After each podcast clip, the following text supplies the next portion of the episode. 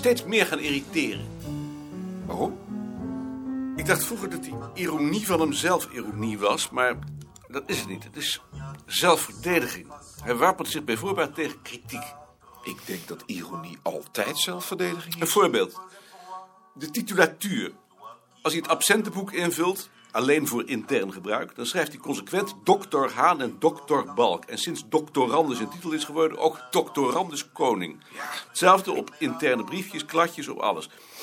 Wanneer ze aankondigt op een bijeenkomst van de correspondenten, noemt hij hen altijd dokter Haan en dokter Balk. Voor gewone mensen die vaak alleen lagere school hebben. Daar is er wel ironie bij. Ja.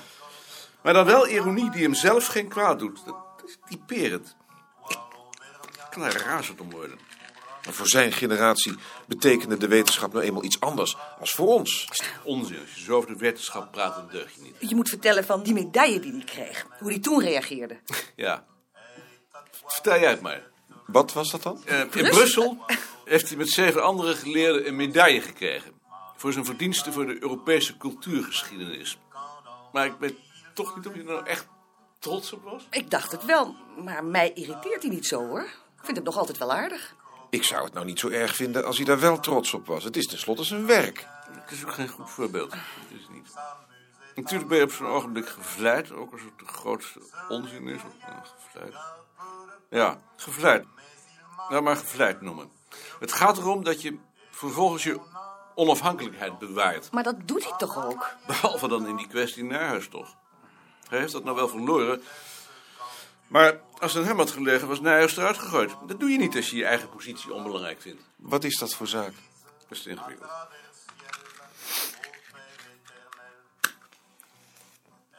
Hij heeft geprobeerd iemand die ziek was eruit te werken. Waarschijnlijk omdat Van der Haar dat wilde. En toen wij daar tegen opkwamen, verschool hij zich achter het bestuur. Oh, Jonas zit op de vensterbank. Laat jij hem er even in? Omdat hij niet tegen Van der Haar in durfde te gaan. Liet hij Nijhuis gewoon vallen. Dat is laf. Kom maar in. Dag Jonas. Kom maar. Vreet hij geen vogels? Hij is bang voor vogels. Laatst was hier een muis en toen is hij van angst onder de divan gekropen. Net als Beerta. Maar Beerta zet wel vallen. Hij laat ze alleen door een ander leeghalen. Maar zulke lafheden zijn wel beslissend voor je gevoel van eigenwaarde. Als het erop aankomt, verraadt Beerta zichzelf ook. Hoezo? Bijvoorbeeld doordat hij er niet voor durft uitkomen dat hij een verhouding heeft met Karel Ravelli. Dat moet allemaal geheim blijven. Niemand mag dat weten. En dat rechtvaardigt hij dan met de opmerking dat het individu zich moet aanpassen aan de gemeenschap. Omdat de gemeenschap het niet goed vindt, bestaat het niet. Vind jij dan dat je tegen de gemeenschap in moet gaan? Ik vind dat je voor jezelf moet opkomen. Als de gemeenschap zegt dat ik gek ben, dan kan de gemeenschap barsten. Wat vinden we onszelf weer superieur? Moet ik mezelf dan soms een zak vinden? Misschien zou dat wel eens een keer goed zijn. Maar je hoort jezelf toch zeker geen zak te vinden? En waarom niet? Ik vind mezelf soms een enorme zak. Om- omdat dat een rotstreek is. Omdat je geen zak moet willen Waarom zou je zijn. jezelf een zak moeten vinden? Bijvoorbeeld omdat je tekort schiet vergeleken bij de mens die je zou willen zijn. Wat voor mens zou je dan willen zijn? En ik zou ook nooit een ander veroordelen zoals jij Beerta doet. Maar wat voor mens zou je dan willen zijn? Laat maar. Waar het om gaat is dat de mens die je zou willen zijn, niet bestaat.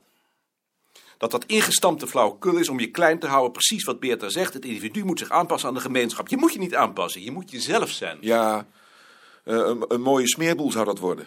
Dan ben ik maar blij dat ik wat dat betreft nog enig schaamtegevoel heb. Maar wat blijft er dan nog over? Niks. Ik zou ook net zo lief dood willen zijn. Maar zoiets mag je toch niet zeggen? Dat is toch een schande tegenover jezelf.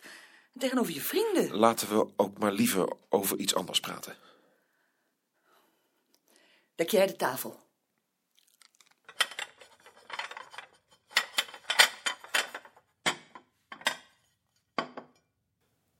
Tegen de wind in van Hanni Michaelis. Is dat wat? Ik vind het prachtig. Geef eens.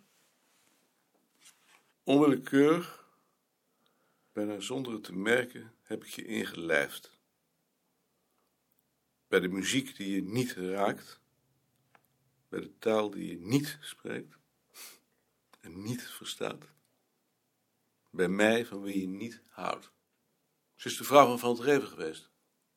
Ik vind er niet veel aan. Jullie mogen die keuken wel eens een verfje geven. Vind je? Zo, we kunnen aan tafel.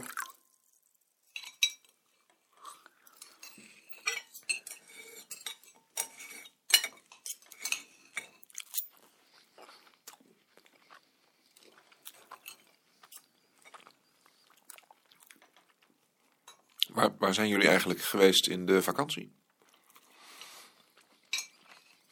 Auvergne. Was dat wat? Oh, dat was Mieters. En Maarten? Verdomd mieters. Frans? Hij zal toch niet weer gevlucht zijn? God maar het weten. Hebben jullie bezoek? Ja, maar dat hindert niet. Dat is Klaas de Ruiter. Zal ik dan maar een andere keer komen? Nee, natuurlijk niet. Hij gaat bovendien zo weg. Dit is Frans Veen. Dat is Klaas de Ruiter. Dag, meneer. Zeg maar oom Klaas, hoor. Zal ik dan maar hier gaan zitten? Ben je gevlucht? Nee, ik ben gewoon weggegaan. Ik heb tegen de psychiater gezegd dat het zo geen zin meer had en toen heeft hij me laten gaan. Ik werd daar gek in plaats dat ze me beter maakte. En hoe reageerde de psychiater daarop? Eerst wou hij me niet laten gaan, maar toen werd hij opgebeld en toen zei hij nee, ik heb op het ogenblik geen bed. En toen heb ik heel hard gezegd, jawel, u heeft mijn bed. En toen mocht ik gaan. Wat gek. Vinden jullie het eh, verkeerd? Nee, ik vind het heel goed. Ik begrijp zo'n psychiater alleen niet. U vindt dat hij me had moeten vasthouden? Nee, dat hij zo onzeker is. Ik denk dat ze ook geen raad weten, denk je niet? Ik heb ze nu geschreven dat ik het verder zelf wel zal uitzoeken. Heel goed. En nu? Nu ben ik weer bij mijn ouders. Maar ik krijg waarschijnlijk een huis en ik krijg misschien ook een baan. Bij Artis, bij een instituut. Wat moet je daar dan doen? Kevers tekenen. Dat lijkt me wel leuk, lijkt je niet? Hoe heb je dat voor elkaar gekregen? Van sociale zaken. Mijn vader is vrijmetselaar en die directeur ook. Heb je alles eerder kevers getekend? Nee, Oom Klaas is bij de NJN geweest. Die interesseert zich voor kevers. oh. Ik ben ook bij de NJN geweest. Maar je interesseert je niet voor kevers. Jawel. Ga je weg? Ik ga maar weer eens. Ik kom er wel uit, ja. Tot ziens. Ja. Dag. Klaas.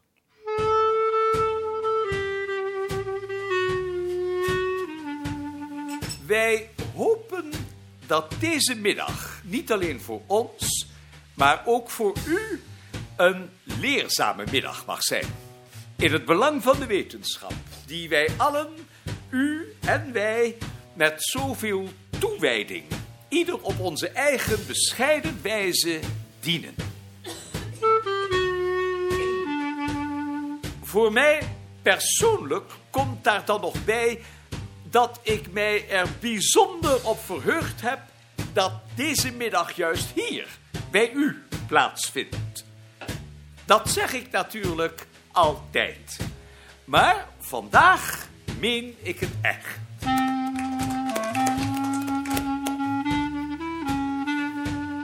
Lieve mensen. Ik mag wel lieve mensen zeggen, hè? Want de meeste van u ken ik al zo lang.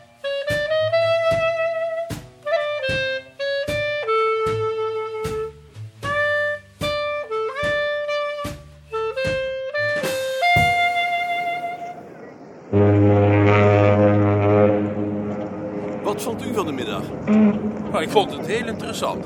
Vooral wat jij vertelde over het verzamelen van verhalen.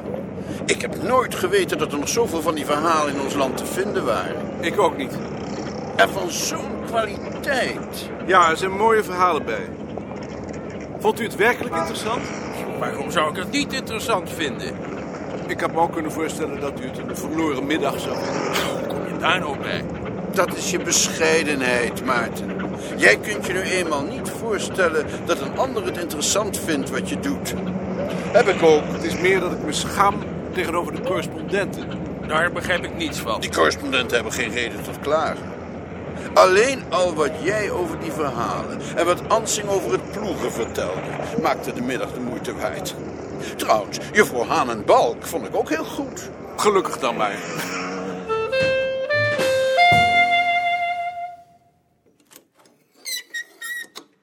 Je hebt geen goede beurt gemaakt bij buitenrust Hettema. Hoezo?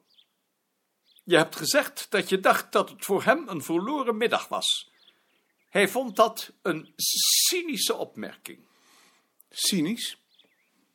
Omdat ik me erger aan die gewichtigdoenerij? Zoiets kun je nu wel tegen mij zeggen, maar niet tegen een lid van de commissie. Dat is ongepast. We moeten blij zijn dat buitenrust Hettema belangstelling toont voor ons werk. Betekent dat dat ik geen kritiek mag hebben? Je mag wel kritiek hebben, maar niet als je mij daarmee afvalt. Ik neem je dat zeer kwalijk. Je mocht nu toch eindelijk wel eens weten wat je wel en wat je niet kunt zeggen. Om half tien hebben we een nabespreking. Goedemorgen, heren. Is mevrouw Moederman gewaarschuwd? Morgen. Ik heb haar gezegd dat we om half tien vergaderen. Maar je weet hoe ze is. Wat maken jullie dit hier toch altijd koud? Ga jij eens kijken waar ze blijft.